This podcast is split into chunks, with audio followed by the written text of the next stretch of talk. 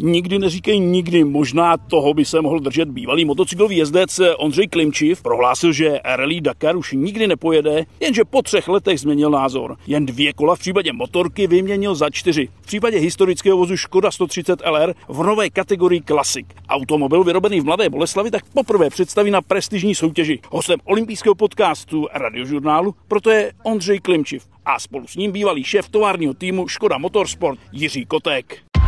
Olympijský podcast radiožurnálu.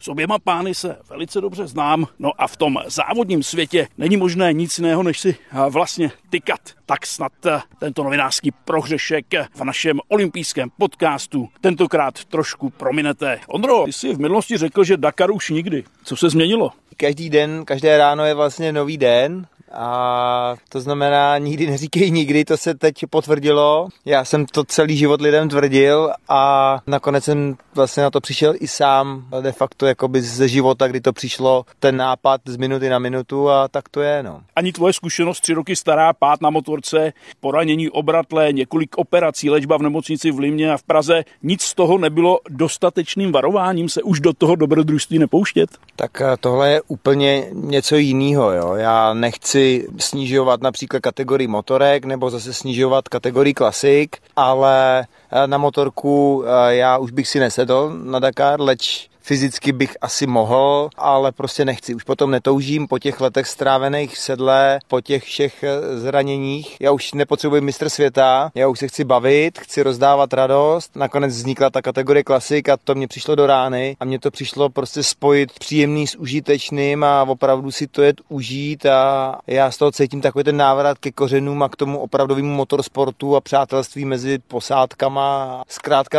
takový stát ve státě, že to bude. Mimochodem, dneska, když se ohlédneš, jak hodnotíš zatím svou dakarskou anabázi? No, mě to asi nepřísluší úplně hodnotit. Já jako, když to řeknu člověk z lidu, který nikdy nezávodil od dětství, já jsem začal jezdit vlastně na enduru v 25. To znamená, nejsem žádný mistr republiky, já nejsem vlastně nic. Já jsem pouze jenom chtěl, a vždycky mě hnalo i to, eh, jakoby ukázat lidem, že i když vlastně nic nejste, nikdy jste nic nebyl, tak se dá takzvaně z prdu udělat kulička a když člověk prostě chce a touží po něčem, tak se dá tvrdou prací a tvrdou dřinou něčeho dosáhnout. To beru jako svůj největší úspěch, kdy doufám, že to nějakým způsobem to bude motivovat třeba moje děti. Nemyslím motorsportu, to v žádném případě to mají zakázaný, ale v životě vůbec je jakoby, že když si člověk za něčím opravdu jde, tak uh, toho dosáhne. Když tomu věří, tak proto udělá všechno a ono to dopadne. Takže děti v žádném případě motorsport, motocykly, auta? Tak motorky pochopitelně mají, jak Alex, tak Oliver. Kolik jim je let? Teď jim je pět a šest. A samozřejmě jezděj, jezděj, baví je to, ale nějak, že bychom to prožívali nebo vůbec nespíš, tak aby jako si k tomu čuchli, vidějí plnou garáž motorek a techniky a táta samozřejmě na tom jezdil a závodil, oni si to pamatují jako mladí kluci a je to jejich taky nedílná součást, ale je to tak, aby si to zkusili, aby dělali de facto všechno si zkusili, ať to dělají třeba hobby, s tím nemám problém, já je rád podpořím, ale jako profesionálně, aby se mrzačili jako já, aby do toho prostě šli na doraz eh,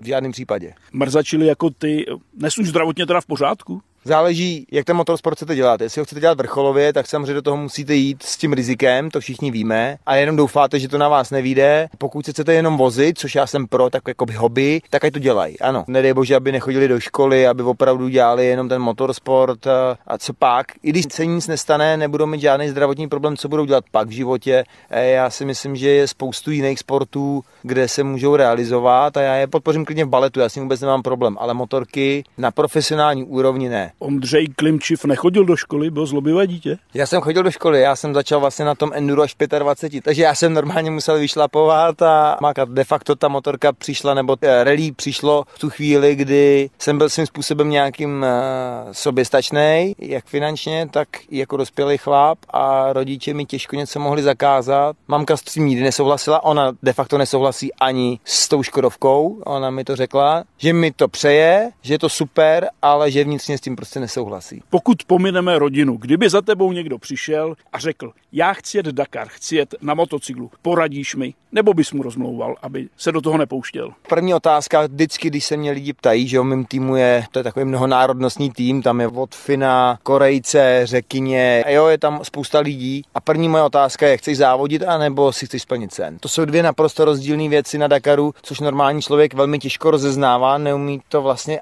nějakým způsobem vyhodnotit. Buď to jedete opravdu splnit cen a jedete dojet. Nechci zase schazovat tu soutěž, tu obtížnost, ale když se tomu někdo bude trošku věnovat, pár měsíců, tak to dojede téměř každý. Ale pokud chcete závodit a jedete o vteřiny, tak to už je prostě pro někoho, kdo tomu obětuje vlastně 150% času a, a maká a dře. To je první otázka, na kterou já se ptám. Chci závodit anebo chci splnit cen. A to jsou dva rozdílné světy, to je úplně jinak. Že? Dakar, co to je? Vlastně droga, nebo jak by se to dalo říct? A ještě se vrátím vlastně k těm závodům motocyklů. Člověk like, když se na to podívá, tak si o vás řekne, že jste blázni. Jak odpovídáš na tyto názory? Tam je opět to, jestli opravdu jedu turistiku, chci si to dojet a plním si sen. To je fakt moc hezký. Já myslím, že to je hezký, kdy já jsem zažil na svém prvním Dakaru v roce 2015 dva bráchové, byly to dvojčata švédové, chlapům bylo 73 roků, celý život závodili na motorkách a řekli si, že by si chtěli zajet spolu jako Dakar jako bráchové a oni v 73 letech oba dva ten Dakar prostě dojeli a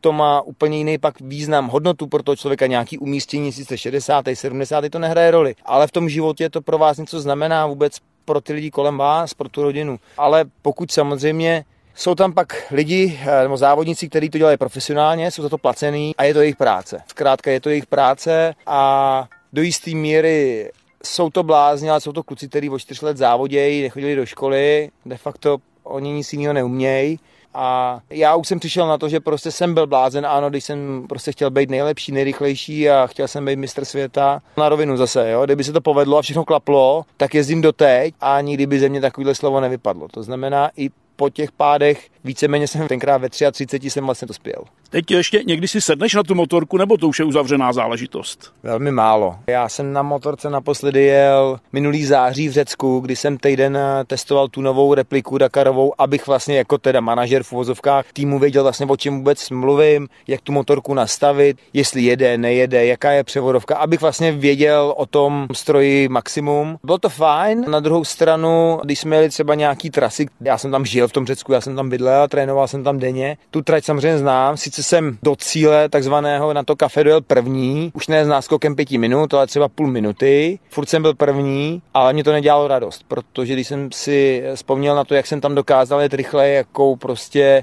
kudlu jsem tam byl schopen jet a naprosto jakoby vyrovnaně, bez strachu, se stoprocentní koncentrací, opravdu jakoby bezpečně, tak teď jsem jel plácnu o 20% pomaleji, s nervama, vykoukaný. Neměl jsem z toho prostě radost. Nepřijel jsem tam, nebo jsem si kafe s úsměvem, ale nebylo to prostě dobrý. Po té úvodní části bych se ještě vrátil k tomu pádu, pak už motocykly necháme stranou. Ondro, upřímně, co se ještě z toho vybaví, z toho hrůzostrašného pádu, z té nemocnice, z nemocnic, z operací? Vůbec nic se nevybavuje.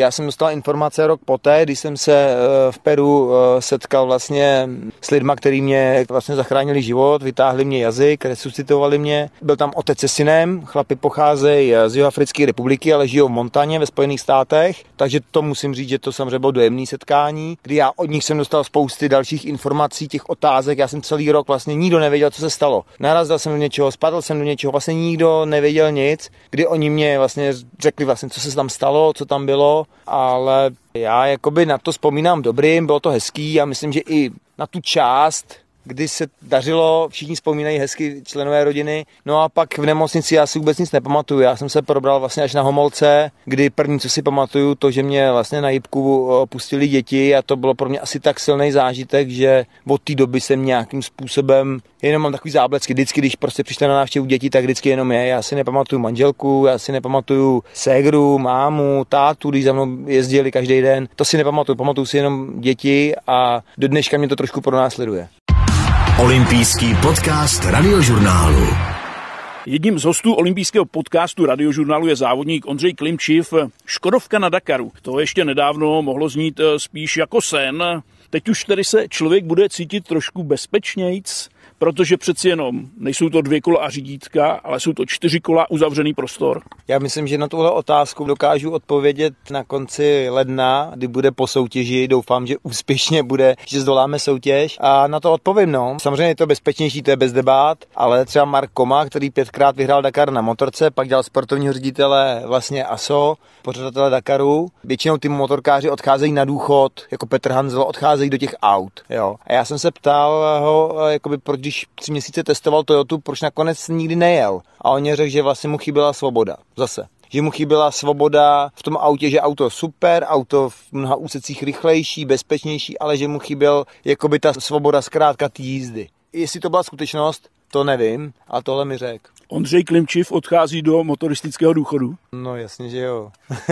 já myslím, že já nechci říct, že zasloužený to určitě ne, protože to byla moje vlastní blbost, ale a těším se na to, těším se na to a hlavně jako kopilot jde můj nejlepší kamarád Petr Vlček, tak já myslím, že ty onboard záběry, které budou, že budou peprný, že to bude super a že na to se taky těším, jo, jako na takovou tu pánskou posádku, takovou tu záležitost budeme mít možnost totiž taky rozebírat spoustu věcí. Jenom je teda škoda, to musím podotknout, že se nejede v Jižní Americe, kde my bychom na tom přejezdu bylo tisíce lidí. Každý ráno o 4 od rána, možná desítky tisíc lidí, rodin a samozřejmě krásných ženských. A to myslím, že by ty onboardy z Jižní Ameriky byly lepší, kdyby jsme komentovali i ty faninky v těch dunách, všude byly. Tam jsou opravdu moc hezký holky.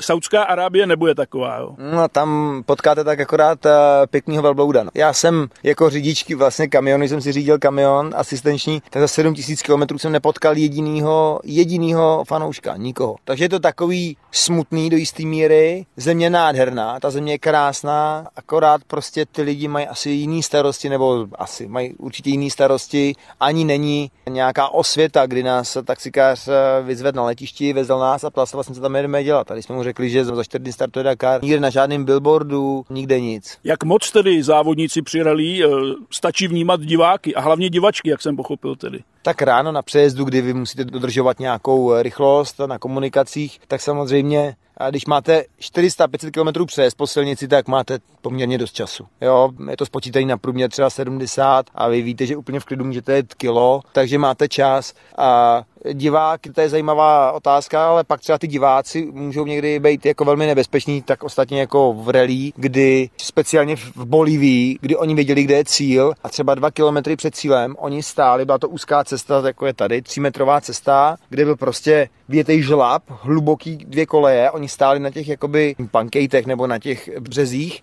a vy jste ho tam prostě kulil úplně na doraz a vlastně jste vůbec neviděl levá pravá a tam nemůžete ubrat. A bylo to přesně jako ty záběry skupiny B, kdy ty fanoušci šílený, dneska říkám šílený, chtějí nejlepší záběr, že ale uskakují těsně před tím autem. A takhle skutečně to bylo, jo. Takže v tu chvíli máte strach, že se vlastně o někoho vy zabijete, že vlastně vrazíte do pevné překážky, ale jste v poušti, protože tam těch lidí bylo tisíce. Je to úžasný, jako oni vás ženou, ale máte strach a vůbec prostě to je stinná stránka, ale zase všude by vám dali vodu, všude by vám pomohli, všude by vás tlačili, jo, jako by ty fanoušci zase byli takový srdeční. Ondro, ty se narodil v roce 1985. Ano. Co víš o slavné historii 130, které neodmyslitelně patří k tomu továrnímu e, týmu z Mladé Boleslavy? Tak já popravdě zas jako takový pamětník eh, nejsem a ty informace nemám, ale co jsem odposlouchal od Jirky, že vlastně bylo 200 kusů, že část šla pro policii a zkoušeli se na tom eh, různé věci vlastně i na favorita, kterýho my jsme nakonec v 89. jako rodina měli. A samozřejmě ta kastle, když to tak řeknu, tak je to kastle normálně, jako by 120 ková kastle a tu zná úplně každý, eh, kdy prostě jí měla teta, vozila nás na koupaliště. Já myslím, že to auto zná úplně každý. Jo, co se týče technických vychytávek vlastně toho LRA, vím, že tam byly změny na nápravách a různé věci, ale tak pevný v kramplecích opravdu nejsem, abych vám to tady dokázal chronologicky seřadit. Kdy, co, jak a proč. Co víš o jménu Jiří Kotek?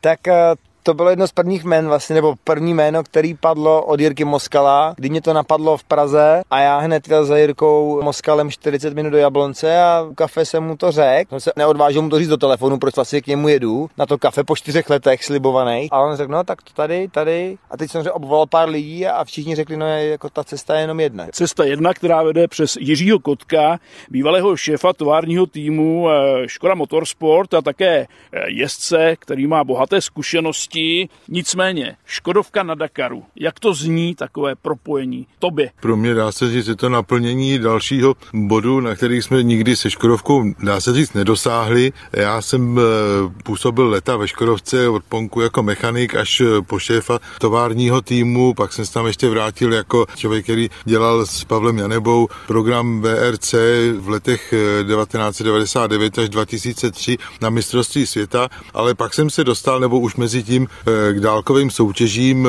historických aut, kdy v roce 93 jsme jeli poprvé s Jirkou Šedivým Londýn, Sydney s MBčkem a tam jsem poznal vlastně takový tyhle ty dlouhé soutěže, jak tam je, jak se k sobě lidi chovají, co to znamená, je soutěž, která je dlouhá 18 000 kilometrů kolem země koule a potom do toho přišlo ještě v roce 2003 znovu pořadatelé začali pořádat rally Safari v Keni, tak jak se jezdila před 50 lety. A e, to byla pro mě další výzva, kdy to MBčko, který už tu dobu bylo v muzeu v Anglii, jsme vlastně přivezli zpátky do Čech, připravili a já jsem startoval s Jirgenem Bertlem 2003 na Safari Classic, to byl první ročník Classic Safari, pak e, jsme MBčko vystřídali Porschem a na tu otázku vlastně pro mě Dakar je další bod, dá se říct, kterým ještě chybí v tom zářezu, kde všude se dá se Škodovkou jet. Dá se opravdu na Dakaru se Škodovkou jet?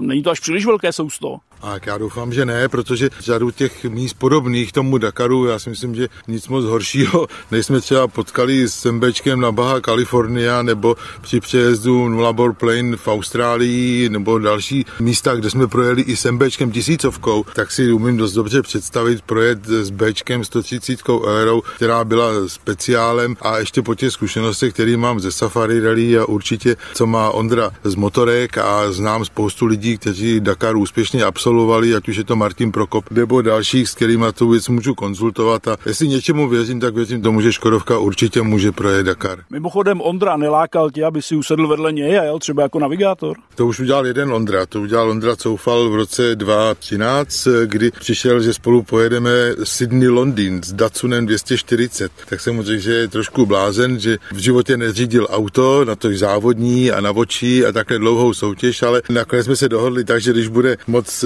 blbnout, takže pojedu já, ale on jel tak, že jsme byli v Austrálii na třetím místě absolutně a, a všechno se to povedlo, takže já věřím tomu, že Ondra číslo dvě to bude zase dobrý, a, ale já si vedle něj jako spolezec nesednu, ale bude mít svého kamaráda, já jim budu radit nadál. Mimochodem, jak si vnímal jeho dosavadní kariéru a třeba i ty motorky na Dakaru, já už jsem se v rozhovoru s ním zmínil o tom, že vlastně lajky považuje za blázny, ty ne? Já mám motorkářům docela, jako bych řekl, blízký vztah, protože už v dobách, kdy jsem ještě seděl vedle Svátí Kvajzera, tak jsme měli hodně kamarádů z motocyklové oblasti, ať už to byl, já nevím, Falta, Mašita, hlavně Jirka Císař, Pošík a prostě eh, řada těch soutěžáků především, tak těm jsme měli hodně blízko, znali jsme jejich historky.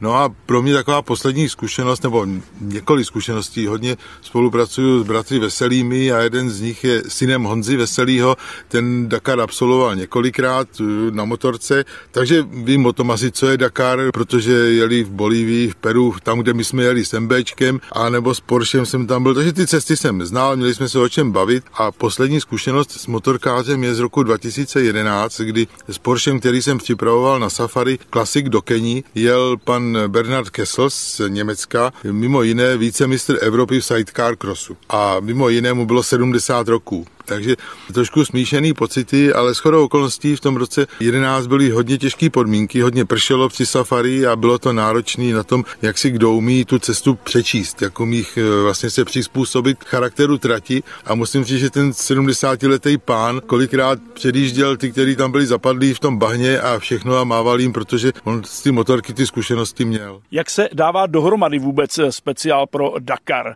Je to nový vůz, je to přestavený vůz? Eh, jak to vlastně vypadá? Vypadá? Jak bychom to popsali? Tak základ je, jak už jsem říkal, z toho, že jsme to auto připravovali pro Safari Rally Classic na rok 2017. Takže už podvozek, eh, tlumiče hlavně, protože už eh, více jak 20 let jsem zástupcem firmy, která dělá tlumiče pro sportovní automobily, včetně offroadu a motocykly a podvozek jsem si uměl dost dobře představit, jakou cestou. Další, co je potřeba vyřešit, je chlazení, protože extrémní teploty, ale z Kení a z těch jiných závodů zkušenosti určitě nějaký mám. Pak je to filtrování vzduchu, protože každý auto, který má motor vzadu, je na to velice náchylný, protože by to takový svým způsobem vysavač vlastního prachu, takže je potřeba vyřešit vlastně tenhle problém a to si myslím, že víme, jaká tam bude cesta. A tím, že se jede vlastně v kategorii klasik, která není ten závod asi na rychlost, aby se jelo v vteřiny a všechno, tak věřím tomu, že když Ondra se seznámí s autem a pozná jeho možnosti, jaký jsou a to, tak si to dokáže užít a připravit se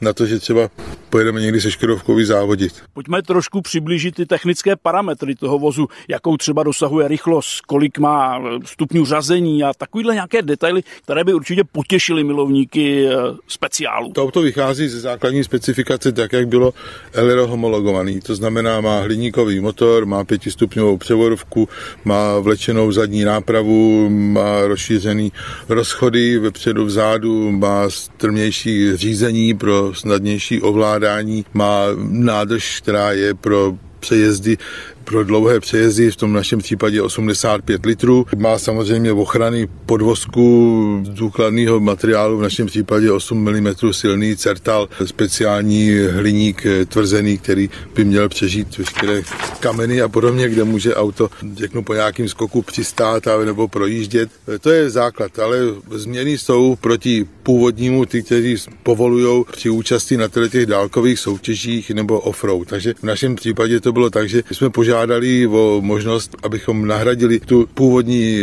klikovou řídel, která byla na třikrát uloženým eh, motoru dost kritickým bodem, tak jsme mohli nahradit eh, klikovou řídelí z motoru 14, která je zesílená a dává předpoklady, že by to mělo obstát. A dalším takovým velkou změnou je převodovka také pětistupňová, ale nemá synchrony, tak jak je zvyklá většina lidí z normálního provozu, ale má přímý řazení typu Hevland, eh, kdy se řadí ne zubovými spojkami, ale vlastně přesouvání vlastních kol. Je tam prostě přímé řazení, což umožňuje rychlejší řazení, je to zase lepší pro životnost. A další podstatnou změnou bude ještě, že musíme vyřešit eh, věci spojené s prachem, ať už to je natlakování eh, spojky, aby se tam nedostával prach, ať už je to chlazení převodovky, ať už je to eh, přivedení vzduchu pro posádku dovnitř do auta. Jo, jsou to vlastně takové speciality, které jsou pro ten Dakar, ale v základu dá se říct 90% je to 130 LR, tak jak byla v roce 85 až do roku 99-2000, kdy Bčka mohli startovat. On si to ještě pamatuje z dětských let, kdy ho v tom vozili rodiče nebo babička s dědečkem, je to normální Škodovka, trošku spartianská, kdy tam je větší rámus, kdy tam víc fouká, je tam je trošku, jsem tam víc bláta, když se jede nějakým terénem. Je tam ještě méně věcí, než tam bylo.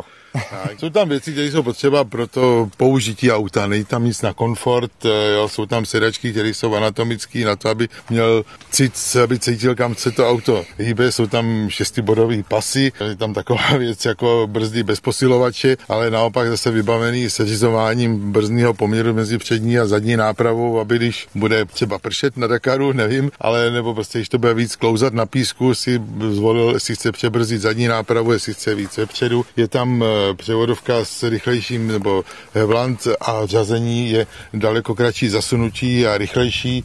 Je tam jiný ovládání plynu, který je, dá se říct, víc přesný a e, umožňuje, jako aby si správně dávkoval množství plynu. Navíc tam je třeba tlačítko na volantu, tam vidíte červený, spousta lidí se ptá, co to je, nebo já říkám, to je start control, to je, plyn. to je, co používají dnešní současný auta při nastavení elektroniky, nebo jak říká Ondra, rajský plyn, že tam můžeme trošku stříknout, aby to lepší jelo. Ne, je to jenom na nulování tripmasterů, aby si mohl změřit vzdálenost, když mu spolujezdec řekne, že za 20 km má zahnout někde doprava, takže si to sám na tom změří a nemusí se furt ptát, kdy už tam budeme. Pak jsou tam věci samozřejmě pro navigaci, to znamená tripmastery, který pro Dakar musí být trošku jinak, než je v tom letom autě. Tady jsou ovládaný GPS, když to na Dakar je to zakázaný, takže budeme mít eh, snímače úkol, normálně klasický kabelový jsou tam eh, ovládání věcí, které jsou nutné pro podmínky vlastně v teple. Jsou tam přídavný čerpadla na chlazení oleje, na chlazení oleje motoru i převodovce, na ventilátory na předním chladiči. V podstatě asi to je takový nejpodstatnější, co by řekl. Jenom stručně dostal Ondra nějaký pokyn, jak se k tomu autu chovat, aby zůstalo celé ještě třeba po dnešním testu? No, tak jako člověk ne, si chce ještě dál trénovat a jezdit, tak se k tomu musí chovat, takže by to mělo ještě přežít něco. Máme opačný problém, eh, mě spíš jakoby je potřeba popohánět do toho, protože jednak je to půjčená věc, já si celý život strašně nerad něco půjčuju a tím, že nemám jakoby zkušenosti z opravdu, jak jsem zmínil po tom ježdění, že to je první auto v životě, který opravdu řídím, kde opravdu člověk cítí, co to auto jakoby dělá, je to úplně jiný pocit, tak z toho mám obrovský respekt. Ne strach, ale mám z toho obrovský respekt a přesně jak řekl Jirka, jakoby něco si rozbít nebo něco, i kdyby to byl defekt na dvě, na tři hodiny, tak je to hrozná škoda toho času, kdy my jsme tady, je, přeje nám počasí, eh, všichni by si na to udělali čas, byla by to hloupost a opět by se teda potvrdila ta moje poznámka, že jsem nejslabší, nejslabší článek řetězu. No. Mimochodem, eh, Honza Kopecký, když jsem se s ním chtěl svést, mi řekl, že mých 105 kilo do svého speciálu nedostane. Ondro, tobě se to povede. Myslím mých 105 kilo. já, já myslím, že tam máme m nebo l sedačku u kopilota. A já vás tam normálně našlapu, to není asi problém. Ven to bude horší. Většinou bývá problém ven, jako, jako, co mám zkušenosti, tam to většinou jde, ale v tomhle našem případě není to běžný v životě, ale tady ven je hůř. Tak to zkusíme. OK. Jdeme na to. Jiří Kotek mi možná poradí, jak se vůbec do toho auta no, dostat. No, já jsem podobný konstituce jako ty, takže mám to nacvičení, takže levá noha, zadek, tělo, poslední pravá noha. Tak to zkusíme. Levá noha, ta by šla. Zadek ten by se tam možná dostal taky. Přes ten rám. Nohu jsme dali. Operace, se, operace se povedla. Horší bude teda dostat se pak zpátky. Máme vyzkoušený, za hlavu to jde nejlíp. Jako za uši. Tak za uši, dobře. Takže teď se mám připoutat někde určitě. Já doufám, že Ondra se mnou pojede tak... Jako s pokladem. Tak ještě nějaká rada? Nejlepší být hodně utažený. No prostě se nemůžeš moc, jako v tom případě tam ještě nejsou tady ty bederní pasy, ale já si myslím, že to je břicho a to, to, to je dostatečné. Já myslím, že vydržím. Tak Ondro, ještě než nastartujeme, zvykl si člověk už na všechny ty páčky, čudliky, co tady má? Ne. to si asi nikdy nezvyknu. Já znám úplně základní eh, tlačítka z těch, řekněme, 15 tlačítek je zapnout zapalování, kde se sepnou pumpy, jo, zapne se celý vlastně elektrický obvod a pak jenom starter a vypnutí motoru a zase vypnutí. A já do téhle doby jsem vůbec nic jiného nepotřeboval. vím, kde je volan, vím, kde je řadící páka a ani nevím vlastně, kde se pouštění světla, ale to není důležitý. Hele, já vždycky jsem říkal, auto jezdí na benzín, ne na řidičák. Tak já myslím, že můžeme vyrazit, co říkáš? Jdeme na to. Já plnej, můžu? A jedeme. Tak se nám to povedlo. Tak jdeme na to. Dobrou pojistku? Určitě. Já, já ne. Není kdo se pojistit. Tak jsme někoho nepotkali. Skáče to víc než v R5? Asi stejně, co? Asi jo. no to tak nejde, ale motor to má větší srdce. Teď už jsme eh, opustili vlastně závodní trať, řekněme. Jaké jsou pocity z toho testování, Ondro? Protože bylo vidět, že už to máš celku v ruce, nebo ne? No já se popravdě bojím rozhodně víc než ty. Jednak, jak jsem zmínil na začátku, že to je vlastně půjčená technika. Něco s tím udělat by byla obrovská škoda, ztráta času samozřejmě. Když pomineme teda tu finanční stránku, tak obrovská ztráta času, energie vlastně Jirky, Kotka, všech, co to připravují. Takže jako cítím na bedrech eh, velkou zodpovědnost, kterou jsem třeba nikdy na té motorce tak necítil, jo, protože přece jenom ta motorka je snáze nahraditelná a bylo mnohem snažší testování s tou motorkou, kdy prostě si odjedete do Řecka, jedete si jezdit do hor, nikoho to neobtěžuje, tohle už je trošku složitější na logistiku, zkrátka tak, no. Já měl co eh, dočinit s tím, abych se vůbec držel v tom autě. Když ono, mm, teď tady jdeme hodně členitým eh, terénu mezi stromama, je to hodně rozbitý, úzký to je. A mě když tady Jirka ráno svezl, a myslím si, že mě svezl jenom tak jako, že hele, já tě aspoň ukážu, kde se řadí, kde se motá volantem a trošku jsem měl takzvaně bláto na hřišti. Ale ono pak v tom otevřeném terénu, eh, to samozřejmě já posílám to ten vzkaz pro mýho kopilota do Spojených států, pro Petra Vlčka, určitě to tam poslouchá v Jižní Karolíně. Hele, nebude to tak hrozný v tom otevřeném terénu, ta rychlosti nepřijde, jak se nebudou míhat ty stromy kolem, ty příkopy a, a takový ty skoky, tak to bude v pohodě. Vždycky to přijde jak, jak z čistého nebe, najednou to tam prostě bude. Jirka Kotek mi říkal, ať tady sleduju vpravo rychlost, ale přiznám se, že na to jsem vůbec neměl ani pomyšlení. Tak jakou rychlostí jsme jeli? Tak při 80. Co ty brzdy bez toho posilovače? Na to si člověk jakoby zvykne, teď už s tím počítám, ale když jsem s tím byl poprvé teda v kosmonosích, když Mírka řekl, tak obej to náměstí, ať máme nějaký záběr do televize, tak já jsem si myslel, že šlapu jako na nějaký pedál, nevím jaký pedál, protože já jsem to přišláp a nic. Jak je člověk vlastně zvyklý, jak se s mě ptal, jak co si umíš udělat na autě a tak dále. A to je prostě ta naše rozmazlenost, rozmařilost těch moderních technologií. A tohle je prostě čistý auto, tohle je prostě auto. Tak děkuji za krásné svezení, tak eh, Jiří Kotek teď bude mít práci, aby mě tady odpoutal a hlavně pak mi poradí zase, jak se z toho auta dostat. Kirka říkal, že nejrychleji z toho auta se jde, když hoří. A rozhodně ne dveřma, ale předním oknem. Vytlačit Ale a předním oknem. Říkám, problém vůbec nechoď dveřma, problém- když to bude hořet. Problém bývá břicho, jako musíš, že si zvedneš nohy nad, nad přístrojovku, pak zatlačí oba do předního okna a tam tudy se leze nejrychleji ven. Takže kdybych chtěl jet někdy rally, tak zhubnout aspoň 20 kg, aby to bylo jednodušší. No, aby to nebo si dát hodně dál sedečko, no už to tady moc nejde.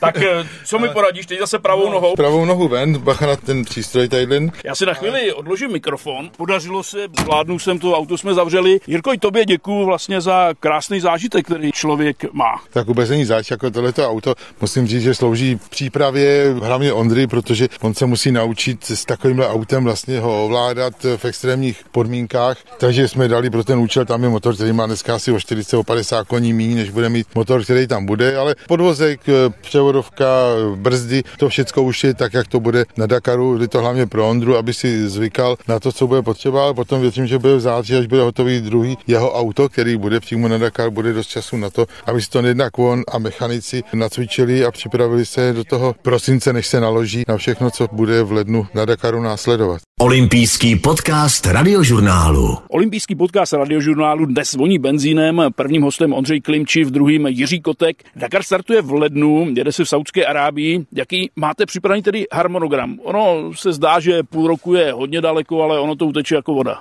Harmonogram je jasný. Teď se díváte na dvojče našeho připravovaného auta. Auto by mohlo být hotový na přelomu srpna září a pak následuje testování ježdění a vlastně seznámení vůbec mechanika s tím autem vůbec mět. Musím ho být schopen opravit eh, na trase, to znamená přiletí i Petr Vlček ze států, kdy my to auto prostě přes víkend nebo za sobotu dopoledne rozebereme, odpoledne složíme a v neděli to samý. Vlastně Honza Ostrej, který s náma pojede, tady s Jirkou Kotkem spolupracují chlapy spolu a tak eh, jakoby se budeme snažit co nejvíc to auto poznat, aby jsme, když už defekt přijde, tak aby jsme byli schopni ho vyřešit a nemuseli jsme vlastně s ostudou být dotaženi eh, na laně do bivaku, leč, eh, teď říkám s ostudou, ale myslím, že pak bych za to dal cokoliv, aby mě někdo vzal na lano.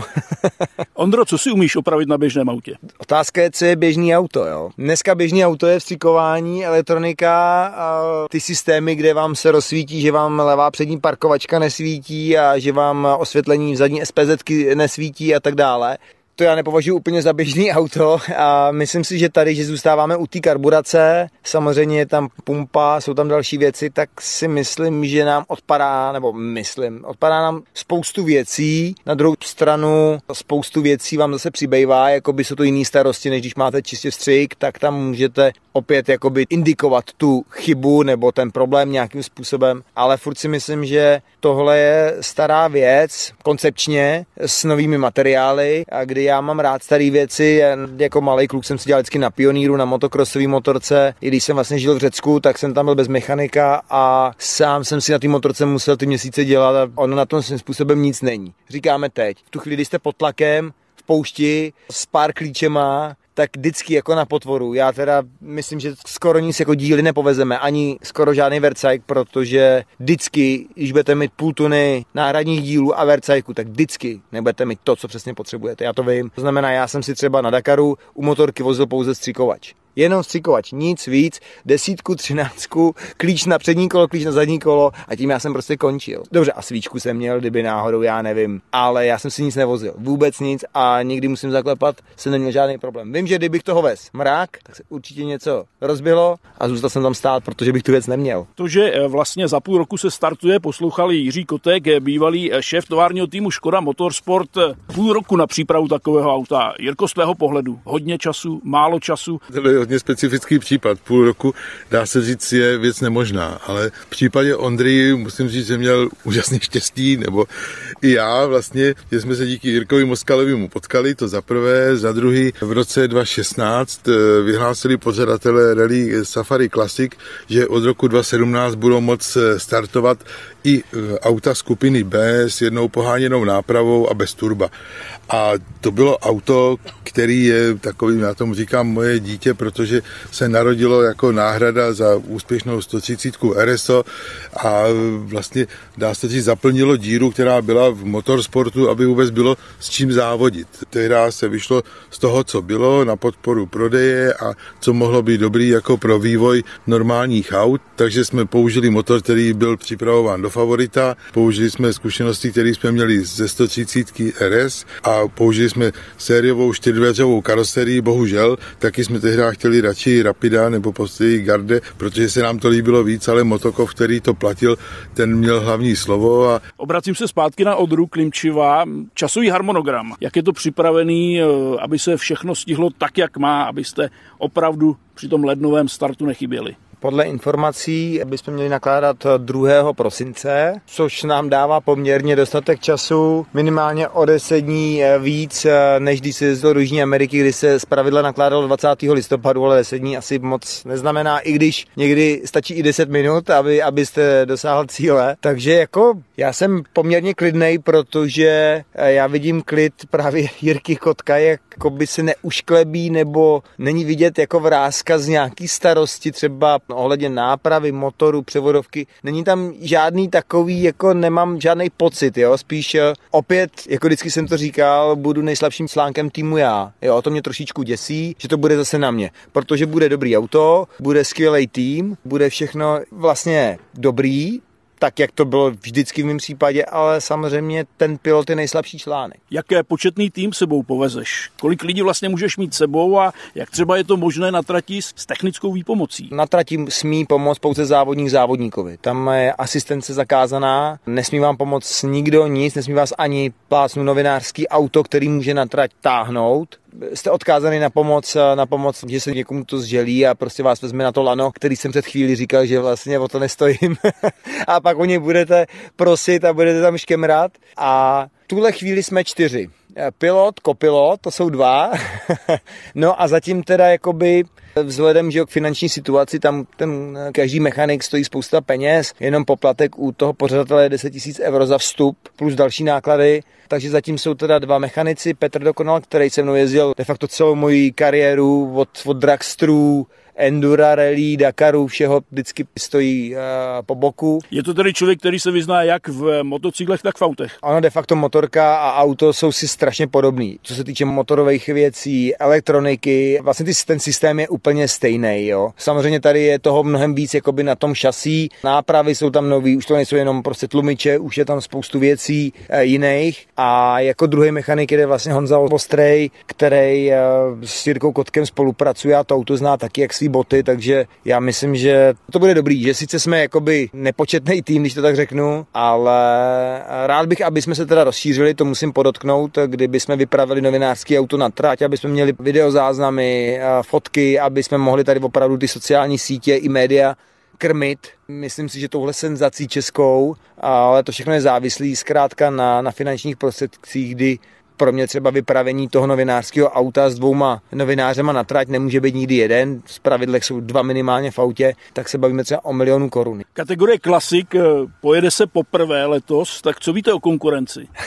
no já jsem teda i na motorce, když jsem závodil, tak jsem na konkurenci nehleděl a věděl jsem, že cíli uvidíme. Jo, v cíli prostě se podíváme na výsledky. Každopádně doufám, že se tam objeví eh, ty hvězdní auta, opravdu ty top, protože to zase zvedne prestiž té soutěže a o to víc to bude sledovaný ve světě, v médiích i u nás. Očekávám, že se tam určitě postaví vítězný vozidla, vys Porsche, Lada Niva a myslím si, že spousta kamionů, možná se od Deroje objeví dvomotorový kamion, to by bylo zajímavý, možná 405 Vatanena. Když člověk přehlídne na to, že mají vypsaných 100 míst, tak to něčím vypovídá. Jiří Kotek pozorně poslouchal a chce něco dodat. Určitě, pak jsem ti neodpověděl úplně na tu první otázku vlastně, že jestli se to dá stihnout za půl roku a začal jsem jenom s tou Afrikou. V roce 2016, kdy to pořadatelé vyhlásili, tak jsem já samozřejmě hned se nastartoval a začal jsem připravovat tuhle tu Škodovku nebo auto skupiny B130 LR a projekt byl, že pojedeme ne s jedním, ale hned se dvouma autama, že s jedním autem pojede nejúspěšnější člověk, reprezentant tady té doby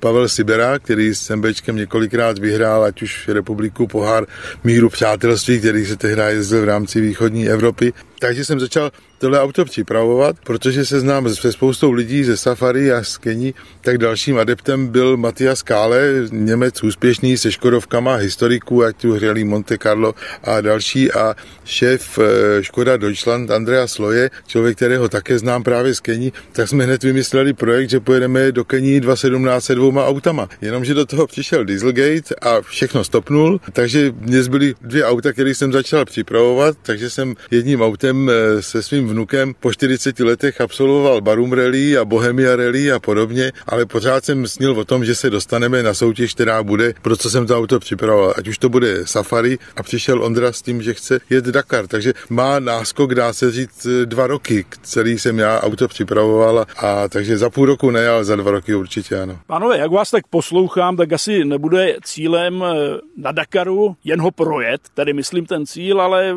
přemýšlíte možná i na nějaké umístění, nebo ne? Ondra Klimčiv? Já jsem závodník, já chci, aby to bylo důstojný uh, pro tu značku Škodovky, letos je 125 let výročí výroby a na rovinu, abych tam měl jako turista, tak to vám můžu říct, že to dojedeme v pohodě, ale já chci, aby jsme mohli chodit prostě s hlavou nahoru, ne myslím jako na foukaně, ale že opravdu s hlavou styčenou, hrdě a uděláme pro to maximum. Na druhou stranu se netajím tím, že vím, uvědomuji si, jak je strašně důležitý nejenom pro partnery, pro Jirku Kotka, pro vlastně pro celý ten tým, ale vůbec pro nás jako pro národ. Já si myslím, že tom pojedeme všichni spolu a vím, jak je to důležité to tam prostě dotlačit do toho cíle. Pokud by znamenalo to, že dojedu a pustím teď plásnu sedmý místo na místo devátého, ale dojedu za tu cenu nebo zariskuju, tak ho radši pustím. V životě bych to předtím neudělal, po té nehodě jsem taky dospěl, a můžeme to zkusit příští rok, protože ten projekt, já nechci jenom tak, aby profičel, aby jsme vodili letos a pak už nic. Vyzkoušíme, vychytáme mouchy a já si myslím, že bychom mohli být příští rok zpátky